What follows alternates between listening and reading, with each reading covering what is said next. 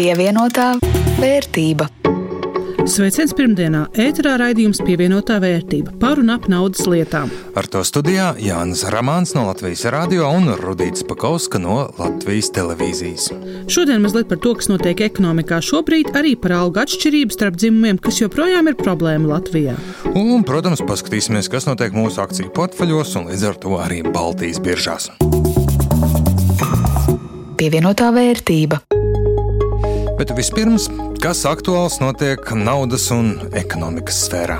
Pēdējā laikā maz pozitīvu ziņu ekonomikas lauciņā, un, ja arī ir, tad tās ir pārsvarā sekas tam, ka tuvākā nākotne neizskatās diezko spoža. Jā, apmēram ar šādām domām aizdītajā nedēļā vēroja degvielas cenas, kuras šķiet kā vienīgās šajā trakajā inflācijas skrējienā dodas lejup. Degvielas naftas cenas pasaules biržās galvenokārt ietekmēs kāds nākotnē, un tirgus saka, izskatās, ka pasaulē kopumā ekonomiskā izaugsme visai strauji tiks piebremzēta.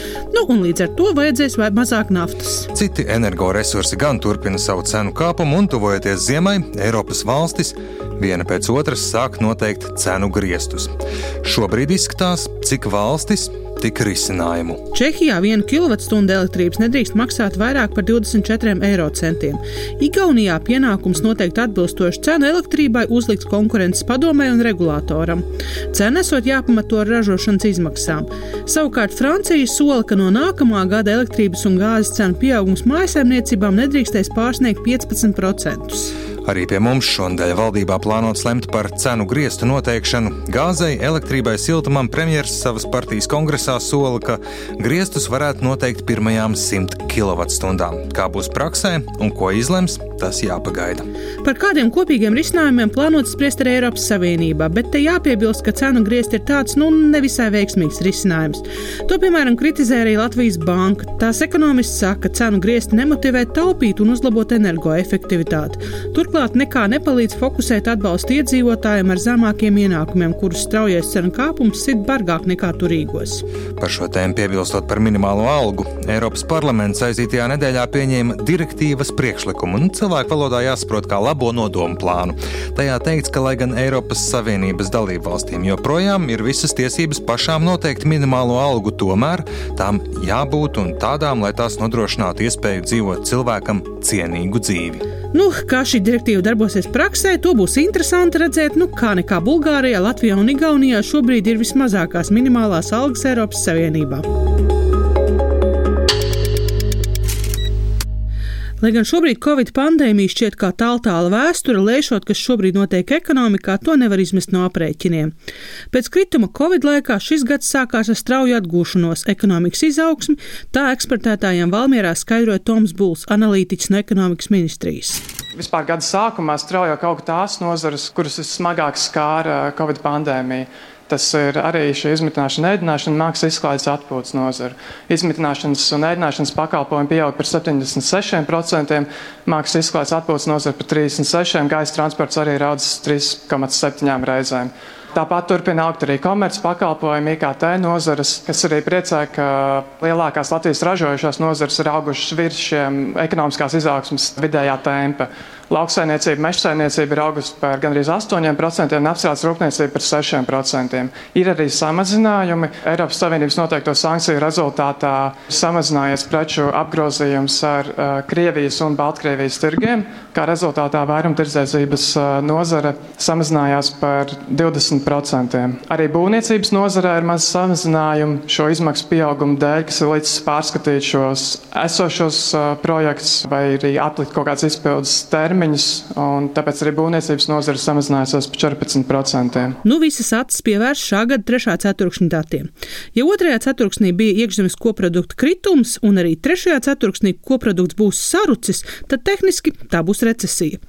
Kā skaidro Bulls, jūlijā, augustā un septembrī ir bijuši gan ekonomiku ceļoši, gan arī gremdējoši faktori. Ir vairāk faktori, kas varētu pozitīvi, negatīvi to ietekmēt. No vienas puses, šis cenu kāpums un iedzīvotāju piesardzība tuvojoties apkurses sezonai varētu negatīvi ietekmēt, bet tajā pašā laikā arī vasarā ir atdzīvojušies pakalpojumi, dažādi festivāli, koncerti, sporta pasākumi. Tas atkal varētu veicināt pozitīvi būt ietekmēt šo trešo ceturksni IKP ciparu. Satraukums ir par stagflāciju. Situācija, ka ir inflācija, cenas kāpj, bet vienlaikus ekonomika ne tikai neaug, bet sarūk un samazinās. Nu, cenas kāps tas ir skaidrs, lai gan šoreiz iemesls esot nedaudz citādi kā daudziem nelabā atmiņā palikušajā 8. gada krīzē. Piedāvājums pielāgojas strauji augošajiem pieprasījumiem pēc pandēmijas. Un, jā, šis Krievijas sāktais karš, tas situācija ir tikai pasliktinājusi, un tāpēc arī prognozes šim gadam ir krietni paaugstināts. Vēlos pieminēt, ka šis cenu kāpums ir atšķirīgs nekā tas bija globālās finanšu krīzes laikā, kad cenu kāpumu noteica tas, ka ekonomikā bija pārāk daudz naudas, bija pārkreditācija un uh, pie tā preču pakalpojumu apjoma cenas kāpa. Šobrīd tā situācija ir cita, jo cenas kāpa dēļ uh, globālā cenu kāpuma energoresursiem. Mēs kā maza atvērta ekonomika to izjūtam ļoti spēcīgi ātrāk nekā citas valstis. Izklausās, ka no stagflācijas izvairīties būs grūti, jo visticamāk, ja ne trešajā ceturksnī, tad ziemā ar apkursu cenu triecienu ekonomikas izaugsme mm, nebūs diezko spoža. Tā varētu būt. Slikti ir tas, ka no stagflācijas nav vieglas un ātras izējas. Ja silda ekonomiku, tad dzen uz augšu cenas vēl vairāk. Savukārt, ja cīnās pret cenu kāpumu, tad nu var gadīties, ka apsaldē tā jau dziestošo ekonomiku vēl vairāk pievienotā vērtība. Bet nu viena lieta gan Latvijas ekonomikā šobrīd tā īsti nemainās - darba spēka trūkums. Par to jau esam daudz runājuši mūsu raidījumos, un šoreiz mazliet par nedaudz pakārtotu problēmu. Vienlīdzīgi darba samaksu, piemēram, sievietēm un vīriešiem. Pandēmijas laikā dzimuma samaksas plaisa saruka līdz 13%, bet nu tā atgriezusies iepriekšējā 16% līmenī. Iemesli daudz un dažādi, viens no tiem nozares, kuram uzskatām par kādam dzimumam piemērotām.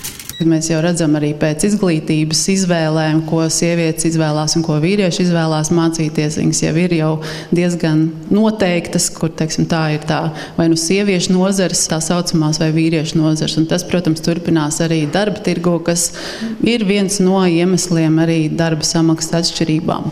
Tā seminārā par vienlīdzīgu samaksu saka Agnes Gāla no Labklājības ministrijas. Un tieši nozars vai jomas, kur izvēlās strādāt sievietes vai vīrieši, ir viens no četriem pētījumos apzinātajiem dzimuma atalgojuma plaisas iemesliem. Otrs iemesls - sievietes vienkārši ir mazāk vadošos amatos, un, kā saka Marita Zitmane, eksperta dzimuma līdztiesības jautājumos, sievietes mazāk saņem priekšnieku algas, jo, nu, sievietes retāk ir tie ideālie darbinieki. Ideālais darbinieks ir tāds darbinieks, kas ir pieejams darbam 24 stundas diennaktī, 7 stundas nedēļā. Tad, tad tas ir ideālais darbinieks. Un, ja mēs skatāmies uz darbu šādā veidā un uz ideālo darbinieku šādā veidā, tad, protams, sievietes šajā plaisā iekrīt, jo tad, tad atkal ja mēs varam skatīties uz kādu ir sabiedrībā valdošie priekšstati. Un tad, tad, ja ir bērnu dārzs, ja ir pulciņš pēc tam, kur bērns jāizved, ja ir slima vīrmāte, kurie jāizved ir pārtika, nu, tad šis nav ideālais darbinieks, kas ir pieejams 24 stundas diennaktī. Trešais iemesls - sievietes biežāk strādā nepilnu laiku, kur algu kāpums bieži vien nav tik strauji. Ceturtais Ir gadījumi, kad vīriešiem par to pašu darbu gluži vienkārši nu, maksā vairāk.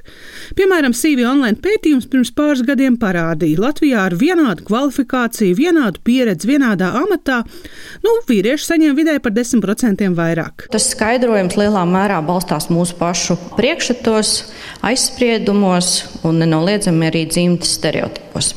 Atkal jau atcaucos uz sabiedrības domas aptaujas datiem, kas izteikti parāda, ka mūsu sabiedrībā ir priekšstats, ka vīrietim ir jāuzņemas lielāka atbildība par ģimenes materiālo labklājību, ka vīrietim ir jābūt ģimenes apgādniekam. Bet ko darīt? Zitmani iesaka neskatīties tikai uz uzņēmējiem. Uzņēmēji var izdarīt tik daudz, cik uzņēmēji var izdarīt. Un es domāju, ka lielā mērā tā jau ir cīņa ar sekām. Un es varbūt aicinātu skatīties uz problēmas sākotni, uz izglītības sistēmu. Tas ir jau skolās un sākuma skolās skaidrot, ka ir svarīgi tas, kas interesē un kas padodas, nevis tas, kas ir sievišķīgi vai vīrišķīgi darbi. Bet nu, problēma ir te un tagad, un ir uzņēmumi, kuri to risina. Divi piemēri - AirBaltica un Svetbank. Dažādas nozares, bet ceļš pārsteidzoši līdzīgs. Pirmais solis - apzināties, ka problēma ir, Otrs - atrast veidus, kā vērtēt amatus objektīvi, salīdzināt un ielikt attiecīgās darba algu kastītēs.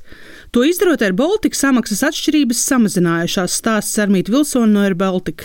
Mūsu sasniegtais rezultāts ir, ka pirms šos amatus mēs bijām sagrēdojuši. Mums bija tā atalgojuma atšķirība pie 11%, tie paši Latvijas klasiskie 14, 15. Un tad mēs pēc šī visa uzdevuma veikšanas nonācām līdz tam, ka ir amatu grupas, kategori, nu, darbinieku grupas, kur atšķirība ir 0,5 nu, 1%, nu, jo tur, kur ir tās atalgojuma sistēmas. Un tādam oficiālam pagaidām mums tāda palikusi lielākā 6%, jo tas ir daļai tiem pašiem IT. Nu, tiešām tāds jūtams impakts ir. To, ka darba tirgus nevienmēr ir taisnīgs, atzina arī Anna Turluta no Svetbanka. Ka, diemžēl tas tirgus ir netaisnīgs un ir uh, amatu lomas, kurām kādā brīdī maksā vairāk, tas pats pieminētais IT sektors. Līdz ar to mums arī atšķirās mazliet algu šķērs par šīm grupām, daļai tā, ka tirgus prasa to šobrīd. Bet tas, kas starp priekšniekiem, nu vai vienkārši labāk atalgotos amatos vīriešu ir vairāk, nemainās tik strauji. Valdes līmenī Svetbankas sieviešu ir pat vairāk nekā vīriešu. Tur, kur mums ir šobrīd izaicinājumi, ir tas zemvaldes līmenis vadītāju pozīcijās, kur mums tomēr varam redzēt, ka vairāk vīriešu vada komandas. Arī ar Baltiku joprojām piloti ir vairāk vīriešu, bet stjuarts savukārt sievietes. Un tad ieslēdzās tā mūsu atbildība par to, ka, lai mēs piesaistītu šajās amatu grupās attiecīgi to nedominējošo dzimumu. Sarmīta Vilsona no AirBaltika skaidro, rekrutējot interesantus mācīties par pilotiem, liela vērība šobrīd tiek tieši sievietēm, bet savukārt meklējot stjuarts, uzrunā arī vīriešus. Viņa cer, ka palīdzēs arī, piemēram, tas, ka AirBaltika mainījuši nosacījumus, un nu cilvēki ar redzamiem tetovējumiem arī varēs strādāt šajā amatā. Bet kādēļ tas vispār ir svarīgi? Viens no iemesliem, nu, manuprāt, ir ir netālredzīgi ar zemāku algu sodīt sievietes par to, ka viņām dzimst bērni. Jo, kā skaidro Zitmane, darba samaksas nevienlīdzība parādās tieši tajā vecumā, kad dzimst bērni. Latvijas gadījumā tas ir 25, 34 un 35, 44, kur sāk parādīties visizteiktās atšķirības atalgojumā. Vēl tāds fakts, ka principā tas saglabājas līdz pat pirmais bērns sasniedz 20 gadu vecumu, kas ir ļoti ilgs laiks un zemākas algas šodien sievietēm nozīmē arī nabadzīgākas vecumdienas.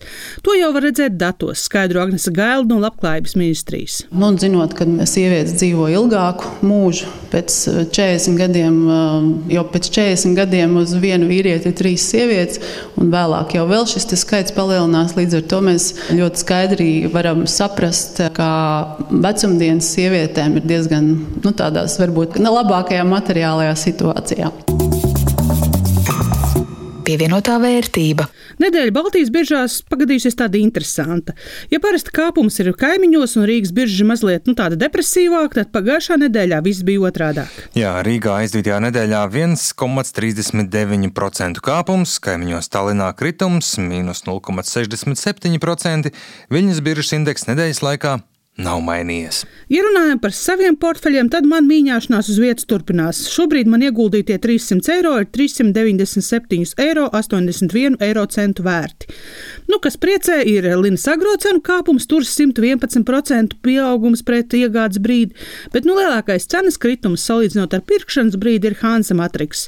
Bet kā tev klājas? Man pēdējā laikā, lai gan nekas tāds būtiski strauji nemainās, bet tomēr nedēļas beigās kopējā portfeļa vērtība tomēr ir par kādu vienu vai diviem eiro mazāka. Šobrīd kopējā vērtība 428 eiro. Ar to arī skan šīs nedēļas raidījums pievienotā vērtība. To veidoja Rudīts Pakaus no Latvijas televīzijas un Jānis Ramāns no Latvijas radio. Par skaņu parūpējās Renārs Steimanis un atgādināšu, ka gan šos, gan citus mūsu raidījumus var atrast arī radio mājaslapā, raidierakstu vietnēs un arī radio mobilajā aplikācijā. Uz tikšanos pēc nedēļas!